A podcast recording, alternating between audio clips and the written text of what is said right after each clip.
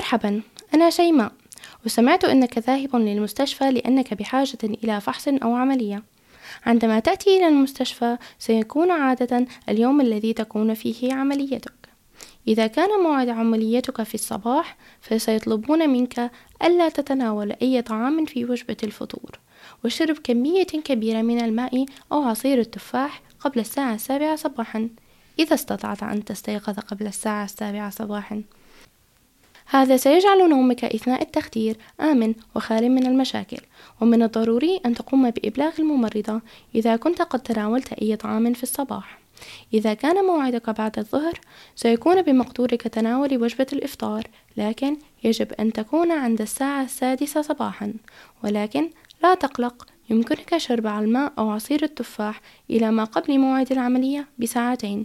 سيقوم الطبيب بإبلاغك عن كل المعلومات بخصوص ما يمكنك أن تأكله وتشربه. فلا تقلق إذا نسيت هذه المعلومات والأوقات.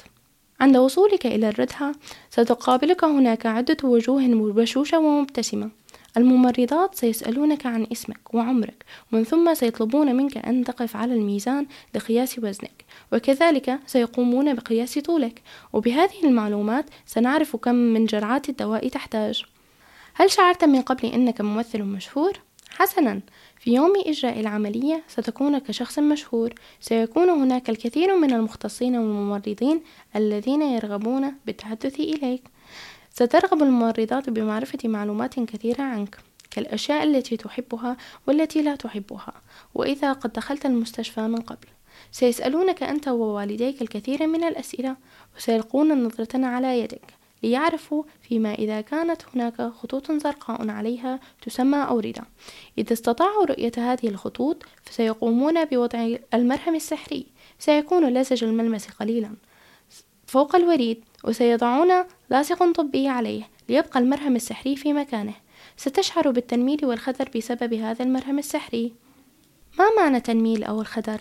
تعني أنك إذا قمت بخدش أو قرص هذه المنطقة فإنك لن تشعر بأي أذى. الطبيب الذي سيقوم بإجراء العملية الجراحية اسمه الجراح. سيحضر لمقابلتك وإعطائك المعلومات الوافية حول العملية. سيطلب منك ومن والديك الموافقة على إجراء العملية.